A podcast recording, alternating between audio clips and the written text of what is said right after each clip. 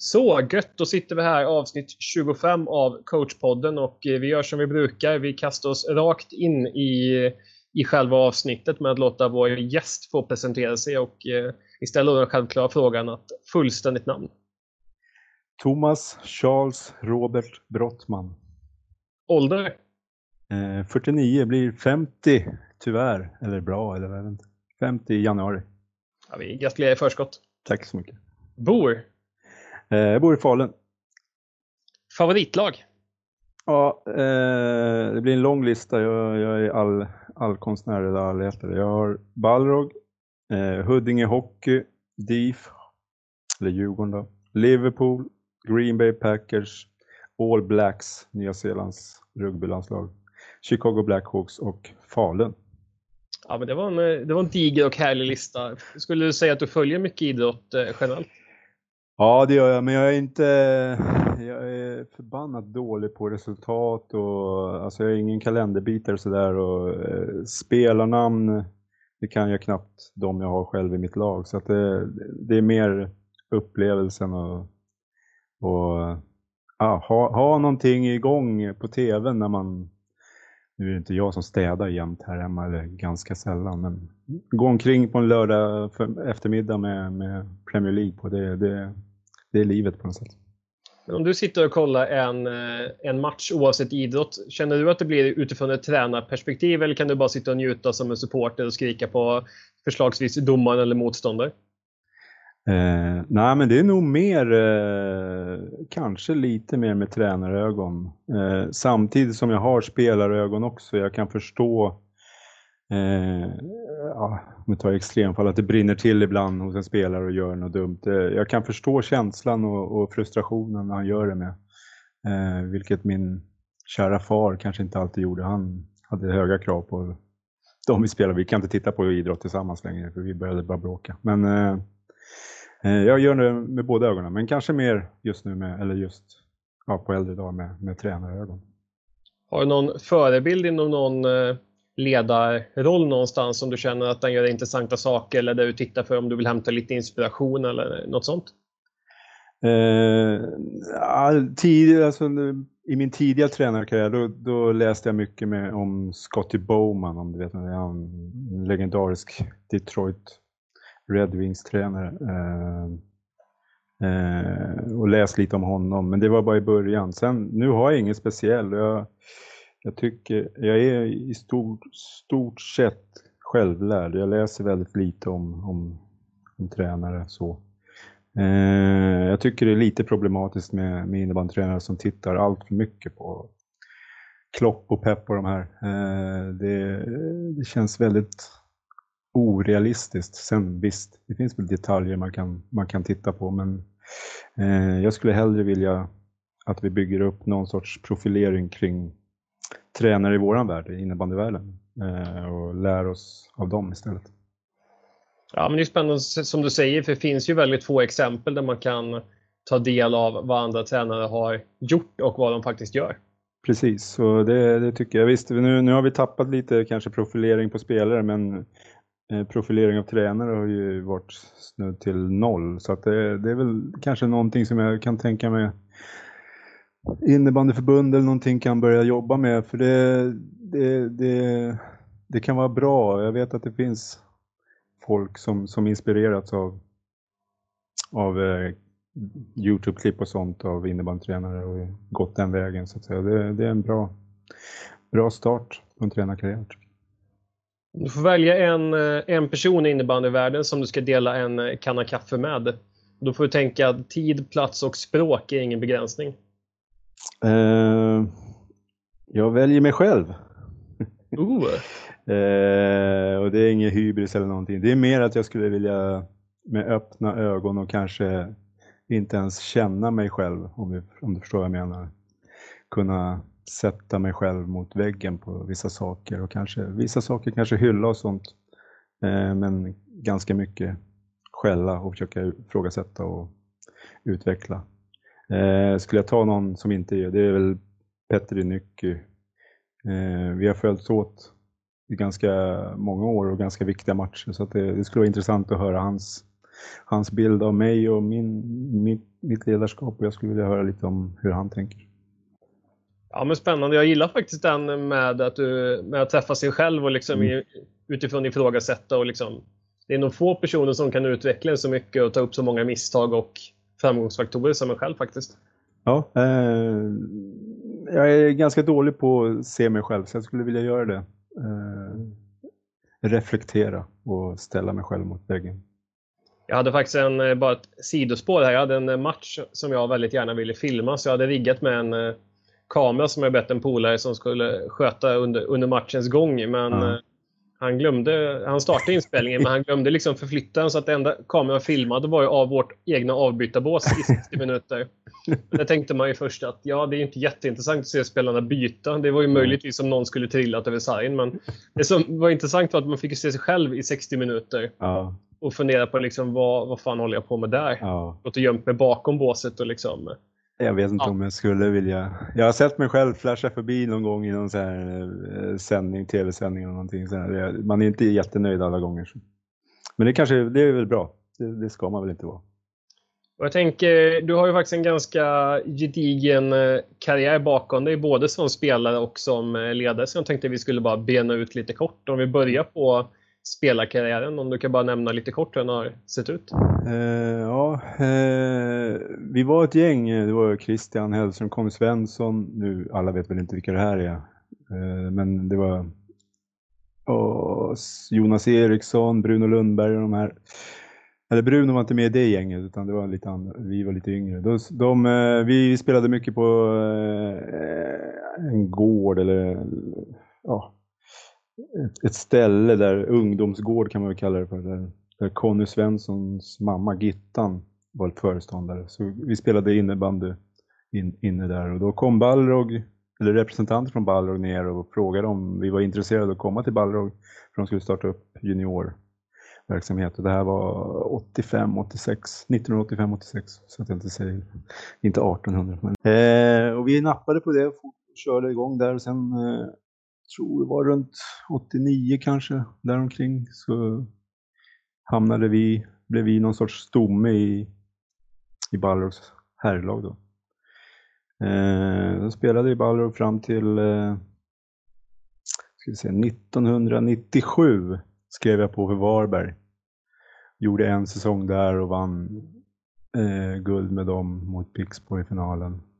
Sen gick jag tillbaka till Balrog Spelade där fram till ja, 2005 typ.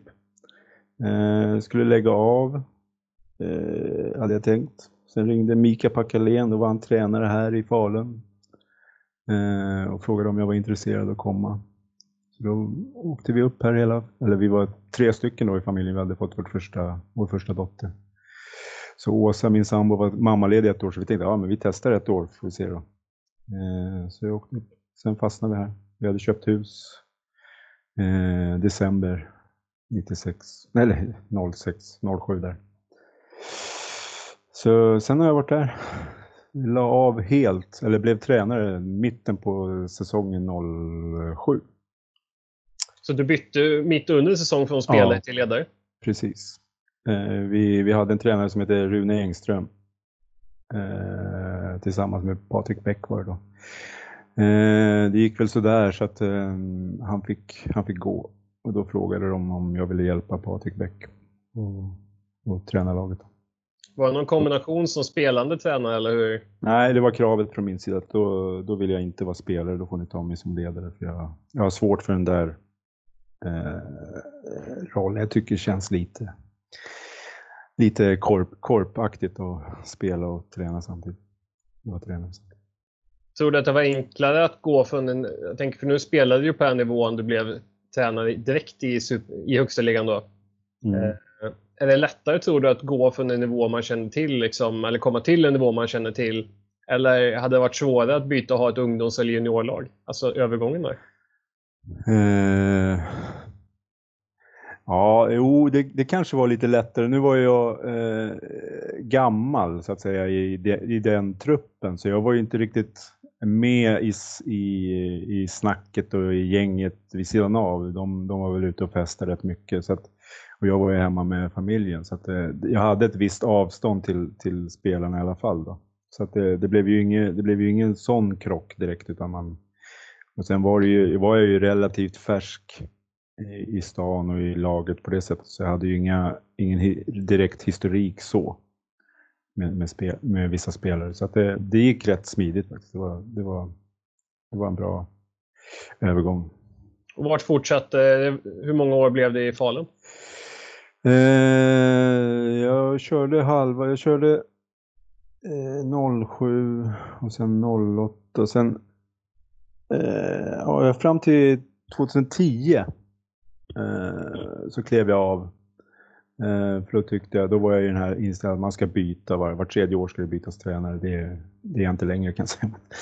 Eh, och då klev jag av och skulle, tänkte jag skulle ta lite lugnt. Så Men då, då ringde Storvreta sen eh, och frågade om jag var intresserad av att hjälpa dem. Så då, då var jag i Storvreta i två säsonger fram till 2012. Då. Eh, fick, kliva av. Eh, jag har fortfarande inte fått veta varför men eh, så tänkte jag, ja men då, då tar jag väl ett lite lugnt år här och sen, då ringde Falun. Då hade Andreas Lundmark klivit av Falun efter deras första SM-guld. Så då klev jag tillbaka till, till Falun och var där. Nej, nej, för nu går jag ju före. nu går jag ju före. Jag var ju i Varberg en sväng där ja. Efter Storvreta så var jag i Varberg. Eh, 2012 till 2013. Eh, och gjorde det året, en säsong. Sen tänkte jag nu, nu får det vara lugnt för nu har jag pendlat i tre, fyra år här. Men då ringde Beck och Falun och frågade om jag var intresserad. Och det är väl där du är kvar idag? Ja, sen 2013 då. Är det någon match alla de här åren, både som spelare som sticker ut lite extra? Att någonting du känner att du kan tänka tillbaks till och liksom njuta att den där, den där matchen den var extra liksom betydelsefull för dig som antingen spelare eller, eller ledare? Ja, det är svårt. Alltså spelare är det ju eh, när vi vänder mot, mot AIK. Nu kommer jag inte, jag tror det är 2004 i, eh, på Hovet, SM-finalen. Eh, vi hade, jag, då hade jag varit lite så här halvt off hela säsongen så jag hade bara klivit tillbaka in som spelare inför slutspelet, så här klassisk innebandy-comeback.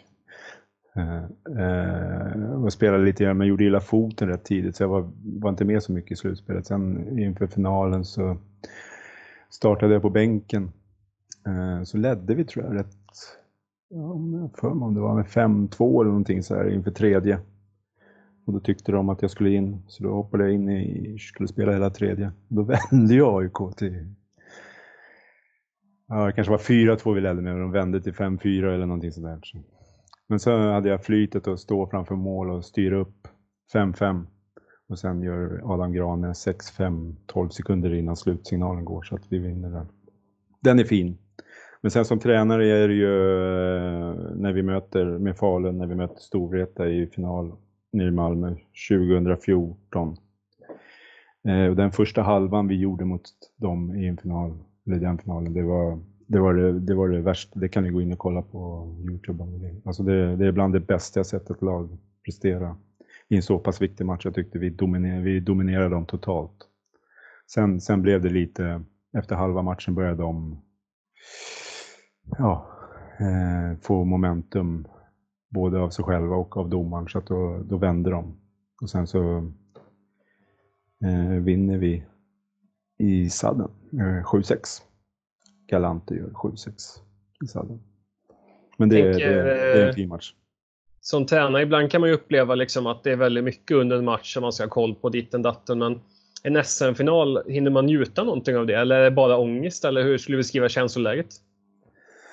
Eh, nej, just under matchen är det inte så mycket ångest så. Då är man, då är man rätt fokuserad så uh, inne i ursäkta uttryck, inne i skiten på något sätt. Eh, där har man fullt sjå att göra sig hörd och göra, göra sig själv hörd i tankarna om du förstår vad jag menar. För det, det är väldigt, väldigt annorlunda med, med det, det, det brus som, som går i, i, arenan hela tiden så det är svårt att göra sig hörd. Så. Eh, men däremot innan kan det vara väldigt mycket ångest och eh, nervositet och sånt där som man självklart inte vill visa. Ja, det, är, det är ju spännande som attan där just när man kommer till den typen av matcher som så många drömmer om att få uppleva. Det måste mm. vara en fantastisk förmån efteråt när man har vunnit att kunna gå och njuta lite. Ja men så är det ju. Och, men där, där är det ju enklare att vara spelare. Där är det ju bara, eh, det vet jag själv när jag har vunnit som spelare, då, då kör man ju bara. Man, bara. man bara fortsätter. Det blir ju någon sorts fjärde period, festandet efteråt. Eh, som ledare blir man rätt tom. Man, man, man sätter sig. Jag, oftast i Globen har jag satt mig in i duschen och bara ja, bara andats liksom. Det har, det har varit, eh, man blir jävligt soft i hela, hela kroppen och huvudet. Det blir som en, en gegga på något sätt. Vi ska komma in lite mer på, på dig som tränare och då får jag fråga här om du skulle beskriva dig själv som tränare, vilka ord skulle du använda då? Uh, ja. Det är svårt det där, det är, som jag sa förut, det är svårt att vara självreflekterande. Men jag, men jag tycker någonstans att jag är, är, är vinnare. Uh, jag tycker om att vinna. Uh, jag är en ganska bra vinnare på så sätt att jag, jag är rätt ödmjuk när jag har vunnit, tycker jag. Eh, sen är jag ju en dålig förlorare också. Det är väl, och det finns väl bra och dåliga förlorare också. Jag tycker jag är hyfsat bra förlorare. Att jag, jag kan liksom eh, erkänna eh, att jag har förlorat på, på bra, bra villkor på något sätt. Sen är jag rätt lugn i alla fall eh, runt omkring matcherna. Under match kan, kan jag hetta till, men runt omkring så är jag rätt lugn. Konstlar inte till saker och ting tycker jag. Det är, det är rätt basic allting. Eh, rätt logisk. Eh, mina svagheter är egentligen, och det är klyschigt, men det är, det är ju allting. Alltså, det är ju ett ständigt eh, förkovrande i, i vad man håller på med. Så att man, man kan alltid bli bättre på allting tycker jag. Men det är väl i stora drag det. Tycker jag. Den innebandy som du vill spela, hur, det, hur ser den ut? Eh, jag vill ha mycket situationer, eh, både offensivt och defensivt. Och jag, tycker, eh, jag vill att vi ska vara starka i de situationerna. Vi ska vara duktiga med bollen så att säga och vi ska vara duktiga på att ta bollen. Sen vill jag ha pulserande spel. Det ska inte gå i maxfart hela tiden. Det, det kan bli, om man, om man, jämför med hockeyn och så där, har blivit lite för mycket maxfart. Så att eh, teknik och tekniker har försvunnit på något sätt. Jag vill, jag vill, att det ska pulsera. Man ska kunna liksom bygga upp saker och ting i lite lugn och ro också.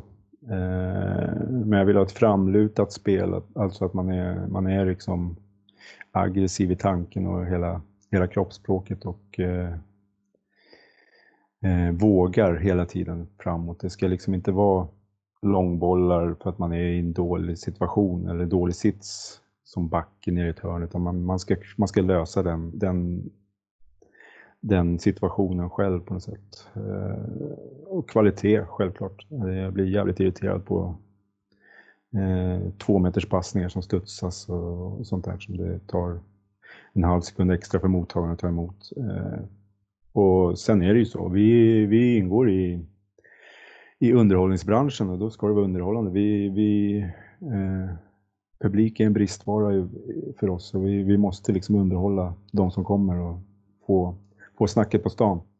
Eh, så jag vill ha ett underhållande spel. Och skulle du säga, jobbar ni mycket liksom på träningar för att träna på just de här momenten som ni sen vill vara bra på att spela? Eller hur, hur liksom skapar man ett lag som spelar den innebandy som du vill ha? Mm. Här är ju jag lite tråkig för er, er coachnördar om jag, om, jag, om jag ursäktar uttrycket, men ni som är duktiga på det ni gör. Jag, jag, mina träningar och min... Mm, nu har det blivit bra när Björk har kommit in då, men jag kör 90% av mina träningar är två mål. jag kör minst 30-40 minuter två mål varje träning oavsett tid på säsong eller någonting. Eh, sen kan jag styra två målet i vissa situationer hur jag vill. Det kan vara motståndarfemma som ska liksom spela på ett visst sätt eller göra vissa saker. Men, men det ska alltid vara mycket två mål tycker jag. Där får jag puls. Jag tycker spelarna också får puls i det.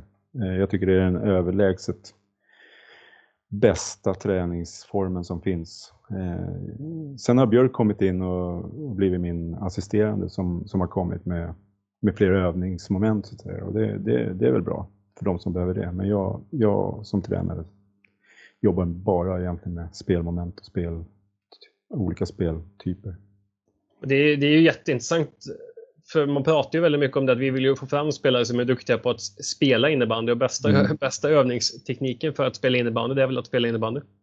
Ja, det tycker jag. Och sen, vi använder mycket ja, fem mot fem givetvis, men sen, sen kör vi mycket sil-moment, alltså tre mot tre, fyra mot fyra, där, där det liksom är gårds, på min tid, gårds hockey, gårdsinnebandy. Alltså att man, det är inga regler utan vi kör och det ska vara det ska vara, det ska vara först till två mål eh, och det ska vara liksom krig på varje boll. det tycker jag det, det innefattar så mycket tycker jag när vi spelar det. det. Både målvakterna får, måste vara med hela tiden, varje spelare måste vara med engagerad hela tiden. Eh, och det mentala spelet i det där att det är först till två och vinnaren står kvar, det, det, det blir lite psykningar och sånt och det, det är bra för, för att stärka mentaliteten. Vi kastar klubben också, utan det, det är liksom blandat. Ja, det är alltså kasta klubbor, vi delar klubborna. Vi kastar inte och bästloss, utan vi delar, delar klubbor bara. Ja, det är en klassisk, klassiska klubbhögen i mitten och så får, man, får man dra, liksom, dra ut lagen. Ja. Eh, vad skulle du säga krävs för att vara en spelare som får spela i Faluns herrlags upplägg? Eh, ja, men det, det, är väl mycket eh, talang har jag, har jag tänkt på mycket. För jag, vill om, jag har liksom omdefinierat ordet talang på något sätt.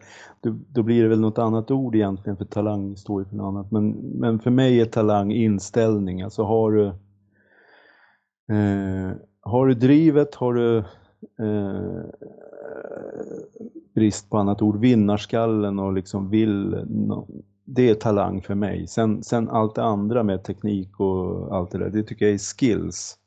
Eh, så jag tittar mycket på vad de har innanför skallen, vad de liksom brinner det för dem? Blir de sura när de, när de eh, i en situation de torskar? Alltså, lite sådär, det ska vara lite jävla namn och lite inte ful, ful, ful nypen, men det ska ändå vara att man liksom ser en aura kring dem som, som gör att den där eh, sätter man sig inte på hur som helst. Liksom.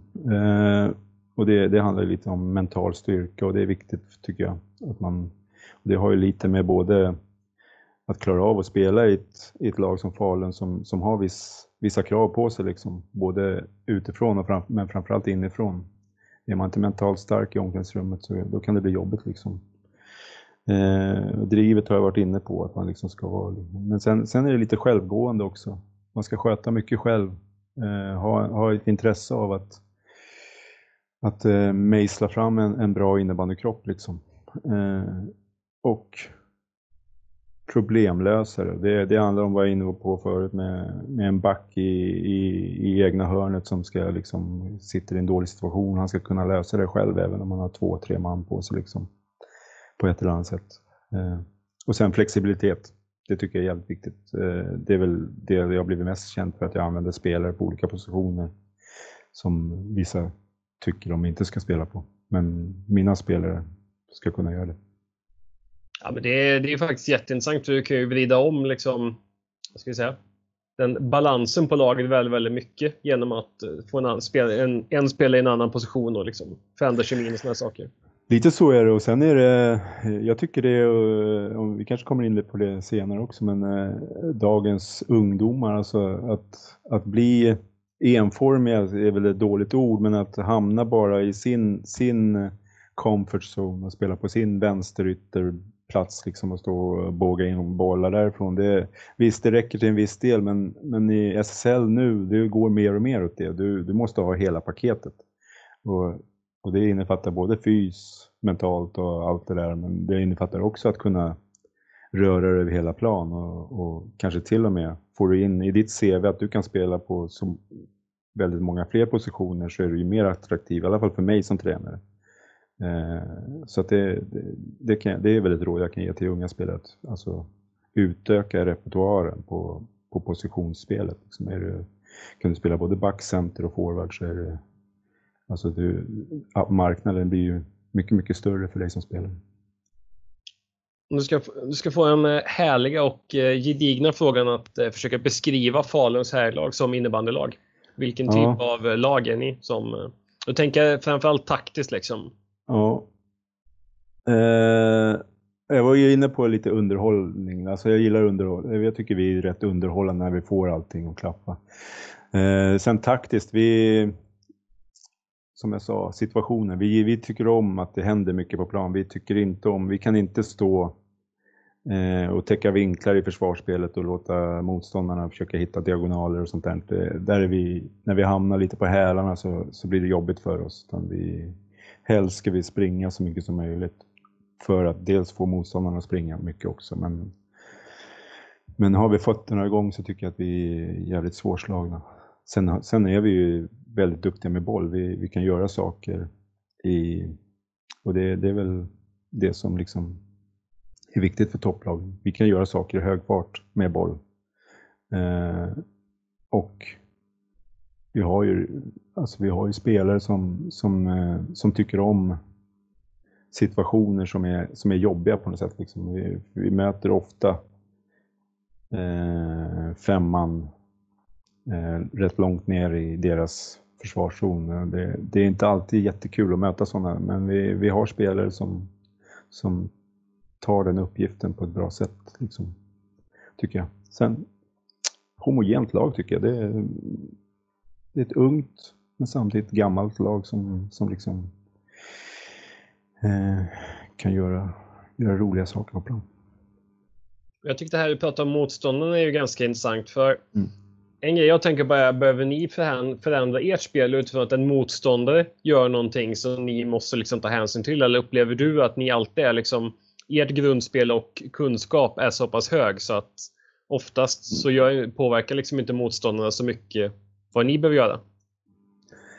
Uh, I grundtanken så, så ändrar vi ingenting efter vilka, vilka vi möter. Uh, inför match. Sen under match kan det ske vissa detaljdiskussioner om hur vi ska liksom, har de en, en Tobias Gustafsson som går på vatten, då kanske vi måste jobba lite si och lite så istället eh, för grundtanken. Men eh, eh grundtanken är att vi, vi spelar vårat spel i alla matcher. Sen, sen eh, kan vi anpassa spelet till viss del beroende på hur spelschemat är och vad vi har för resor under en kortare period. Det kan ju vara, vi hamnar på tre långa bortamatcher under fem, sju dagar eller någonting sånt där. Då kanske man inte kan kliva allt för hårt liksom med, med allihopa.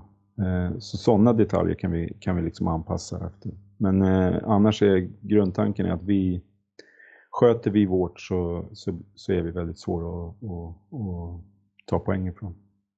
Det kunde man också se i grundserien i fjol. Ni var ju liksom dominanta och liksom ganska tydliga att ni låg i toppen hela, mm. i stort sett hela säsongen. Kan du uppleva det svårt då att motivera sig till en enskild match utifrån att vi har en tävlingsstruktur där alla vet att det, är ju slut, det kommer ett slutspel i slutet av säsongen? Eller upplever du liksom att ni alltid var skithungriga till varje match? Eller? Nej, det där går ju upp och ner givetvis. Men, eh, men jag tycker ändå att de, peppar peppar, har varit jävligt proffsiga. Eh, våra spelare. Sen har vi de här självgående som Galante som alltid ligger i topp på, i målligor och sånt där som, som har det drivet liksom. Och det spelar ingen roll vilka han möter. Eh, gör han noll mål då är det ju världens sämsta lag han har mött. Men, men allt annat är ju bra liksom.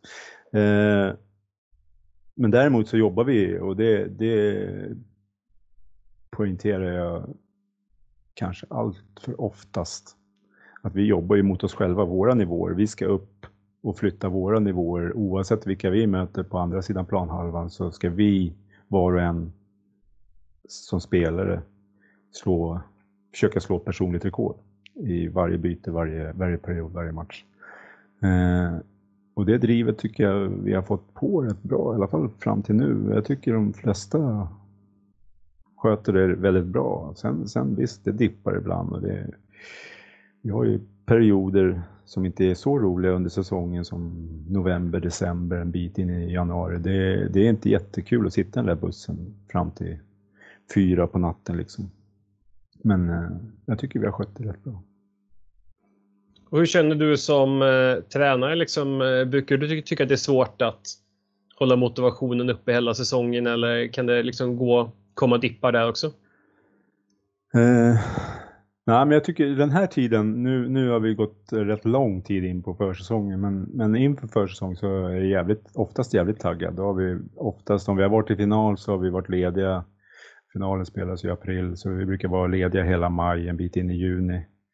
Eh, och då, då har man fått tillbaka lite, lite sug sådär. Så den, den, den här tiden brukar inte vara så jättestort problem. Och här är inte jag jätteinvolverad i alla träningar heller. Jag sköter en, en eller två träningar i veckan snitt. Så.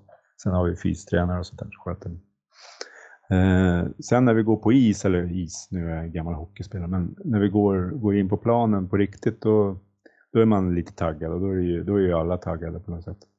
Sen brukar det komma en period som jag sa där i december, i november där jag är, jag har ju vissa demoner i huvudet som dyker upp där, där det är väldigt tungt liksom rent personligt. Och de, de är inte roliga. Eh, då vill man bara åka utomlands någonstans och sätta sig. Men eh, sen februari och sen när, när solen börjar titta fram igen och bladen blir mjuka och man inte kan skjuta längre inför slutspelet, då, då, då är det kul.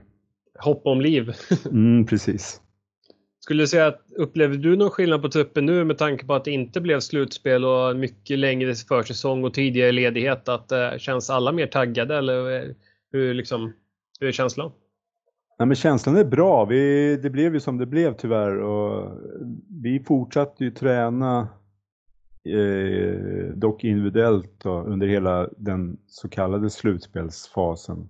Eh, så killarna fick ett program med sex, sex träningar i veckan ända fram till när finalen skulle ha spelats. Så de körde på bra där. Sen var de lediga som jag sa, maj, juni, körde vi igång i juni igen. Då.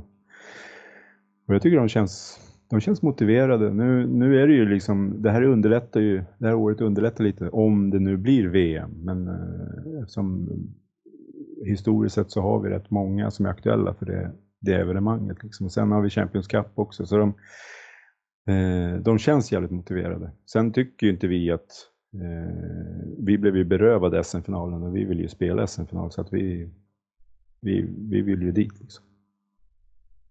Det är ganska intressant om man tänker, vad, vi har varit inne, eller jag har ju nämnt NHL vid något tillfälle tidigare, just de här lockouterna som blev, mm. det var 2004, Niklas Lidström sa ju, det var ju en säsong som blev inställd, det gjorde ju att han kunde spela fyra till.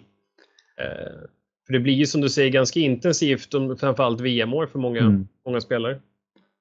Ja, jag håller med. Och jag, vi är ju i de här frågetecknens tid just nu. Vi, jag vet inte alls, nu har ju Hockeyallsvenskan och ettan har väl, för, har väl skjutit på sin premiär. Eh, och jag vet inte hur, jag har inte hört någonting från innebanden vad, hur de tänker. Och skjuter de på den och om det blir VM plus Champions Cup för oss, det kan bli väldigt tajt där kring, kring december, januari.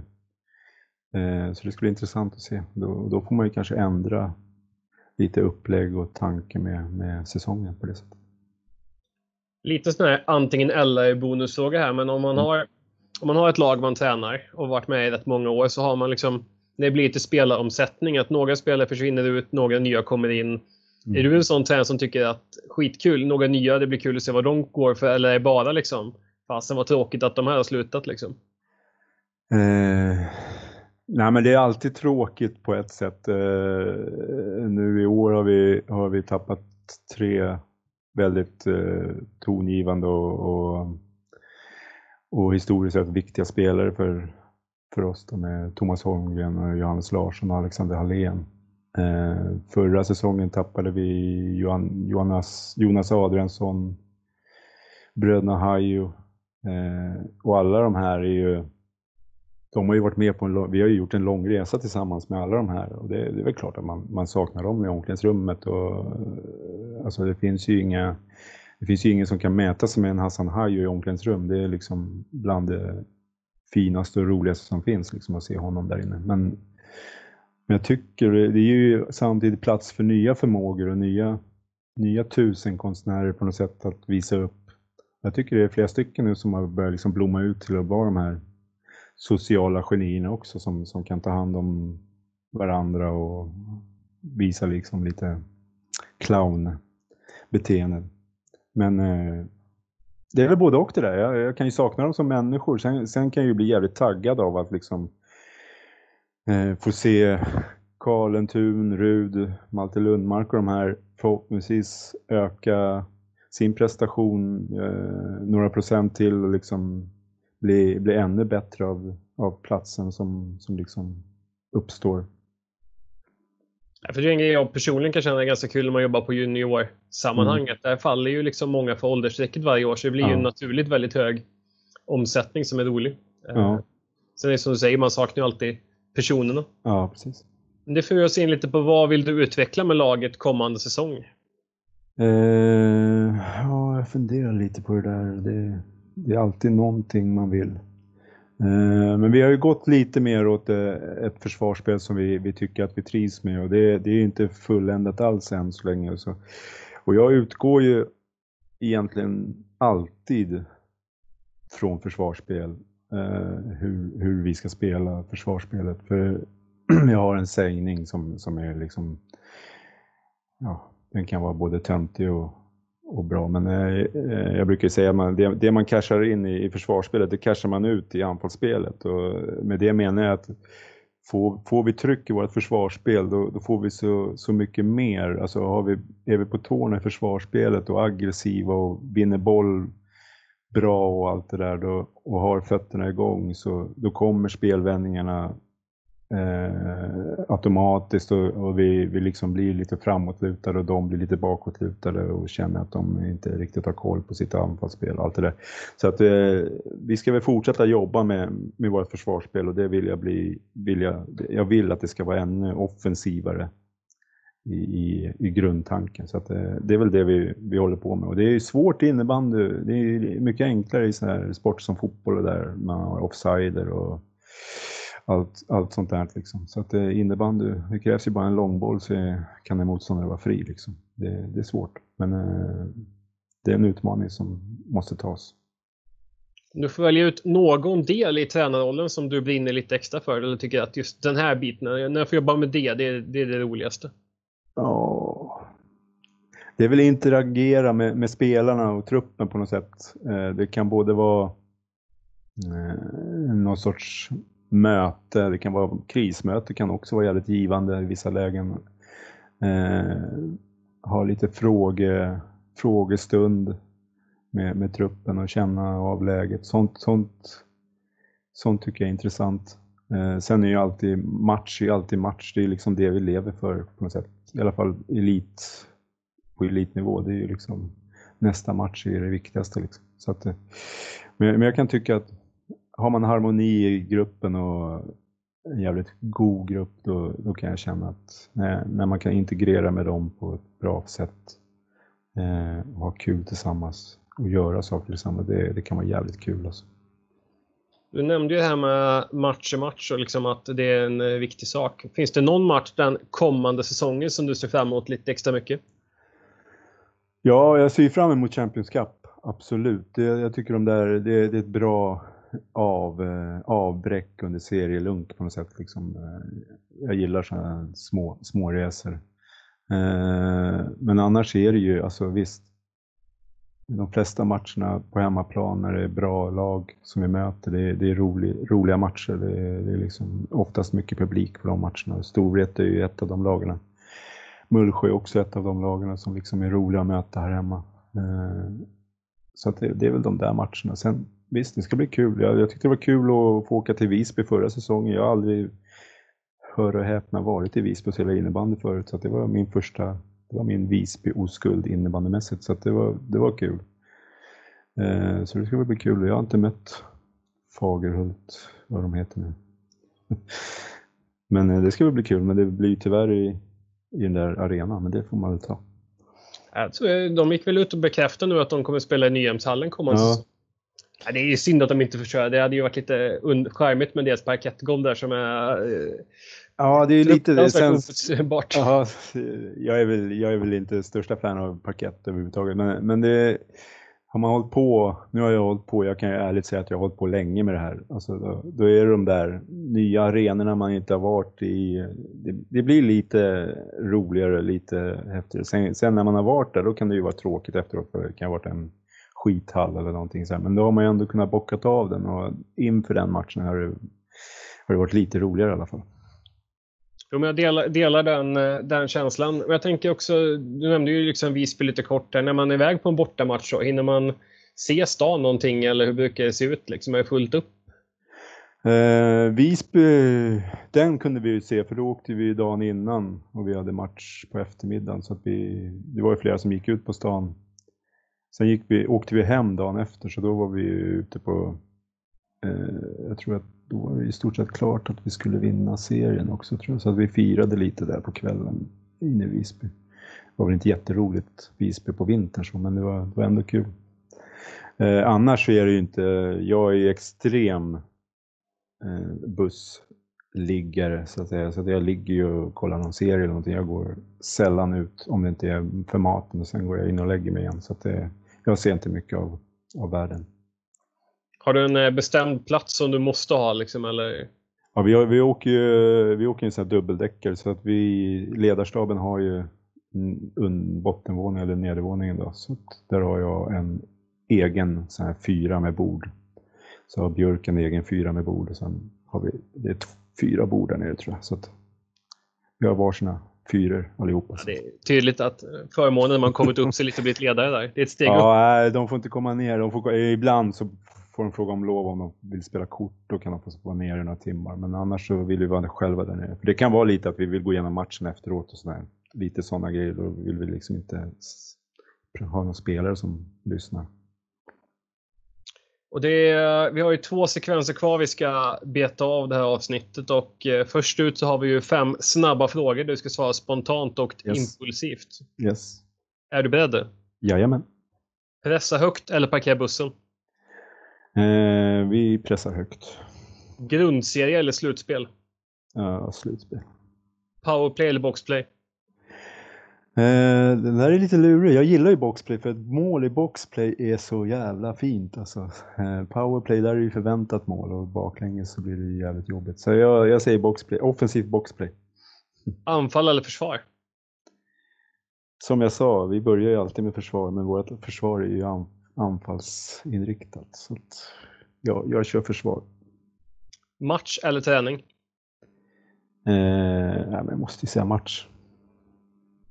Jag tyckte det var intressant det du sa eh, i PP där, liksom, att det blir så förväntat att man ska göra, ja. göra mål. Jag kan tänka ni som också är ett av de absolut bästa lagen i världen, kan man känna en extra press att vi måste prestera i PP eller liksom, blir det någon arbetsro där, eller hur? Nej, det är väl klart att det, det, det, kan vara lite jobbigt. Sen, sen tycker jag att de flesta, nu har, alltså ska vi, i ärlighetens namn så är ju inte Galant, eh, Rasmus och de här, de är ju inga, eh, ursäkta uttrycket, men de är inga PP-spelare på det sättet. Eh, så att eh, de gör ju ofta, alltså det sjuka är att vi gör ju ofta mål på spelvändningar i våra PP. För att vi har gjort någon har skjutit i målvaktens och han har kastat ut den och sen har vi liksom fångat utkastet och vänt tillbaka på den på något sätt. Lite så eh, grovt. Eh, men eh, det blir lite, jag, jag, kan tycka att PP är lite tråkigt att titta på. Det blir liksom, det är ju handbollsaktigt. Man, man, ofta så står de på anfalls offensiva zonen där och spelar runt och skjuter någon i täckel. Och Box, där är det lite mer, jag vet inte, jag tycker det finns mer alternativ. Det, finns, det är lite roligare. Man kan, det, det är oftast det man gör om man inte gör ett misstag. Men oftast när man har lyckats med någonting så blir det ju oftast dubbelt, dubbel belöning på något sätt. Täckt skott är ju jävligt fint. Det, om det täcka, täckta skottet blir till en kontring blir det ju dubbel belöning. Det var ju fantastiskt genom att kunna följa Jonas Adriansson i boxplay. Mm. Väl, man skulle ju ha någon Youtube-film med bara highlights med hans boxplay. Ja, han var grym. Eh, vi har ju många så här, Emil Johansson är ju också grym på det där, liksom att ta bollen och bara köra. Så att, eh, nej, men det, det, jag tycker det finns, finns fler möjligheter på något sätt, tycker jag, i min, min tanke med box, om man gör det rätt och riktigt. Ja, men det är, det är en spelform som är ruskigt härlig att, att få jobba med för det blir mm. så mycket energi som du säger också. Att, eh, ja. Alla liksom, minsta skottäck så är det ju liksom tredubbla energiflödet. Ja, precis. Det är det jag menar, man får så mycket mm. tillbaka om man gör, gör sakerna rätt. Vi ska gå vidare här. Du ska få plocka ut en liten eh, drömuppställning med sex spelare. Förslagsvis målvakt och fem utespelare. Men vill du plocka målvakt är det givetvis okej okay också. Men det, de kan ju vara bra att ha i vissa tillfällen. Ja, äh, men jag kör en klassisk 2-2 med målvakt. Eh, den är inte så jätterolig på det sättet. Eh, det är inte så här jättekonstiga eller ovanliga namn. Men det, det, jag gick bara på det jag tycker har varit bäst under mina år. Liksom.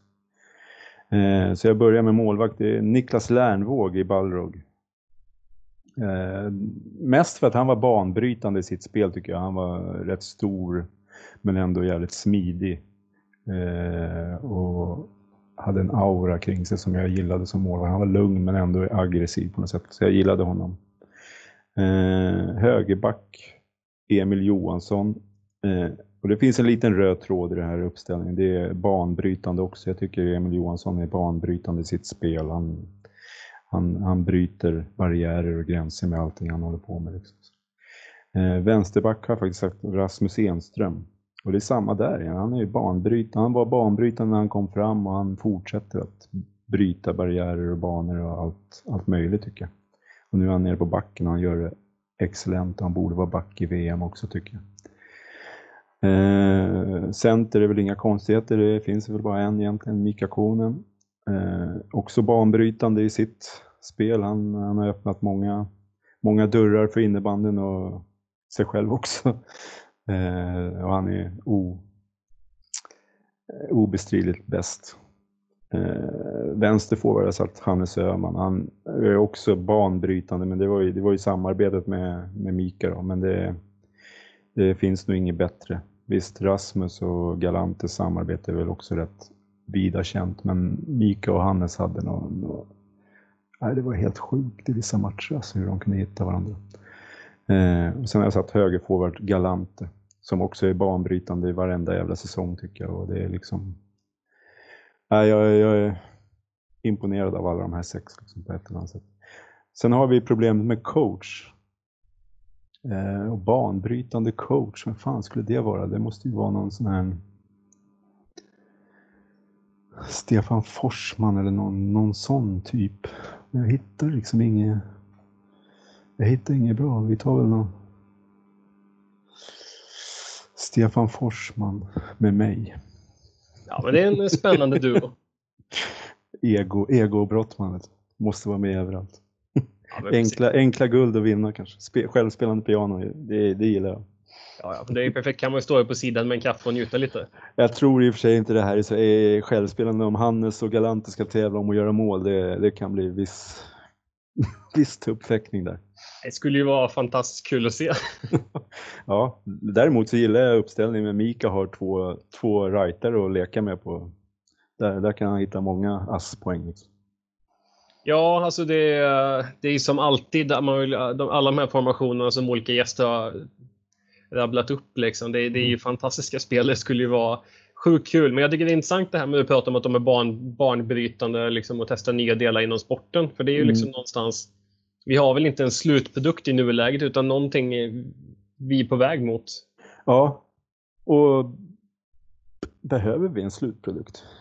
Nej, den, när vi, den dagen vi har den, är vi klara. Jag, ja, ja. jag förstår hur du menar, men vi kanske ska vara framåtsträvande hela tiden och gnälla på varandra och snack, bli sura på varandra men ändå liksom dra oss framåt. Det, det, är väl det som är det viktiga, att vi dras framåt och det, det kanske har varit lite problemet just nu att vi vi har stått och stampat lite.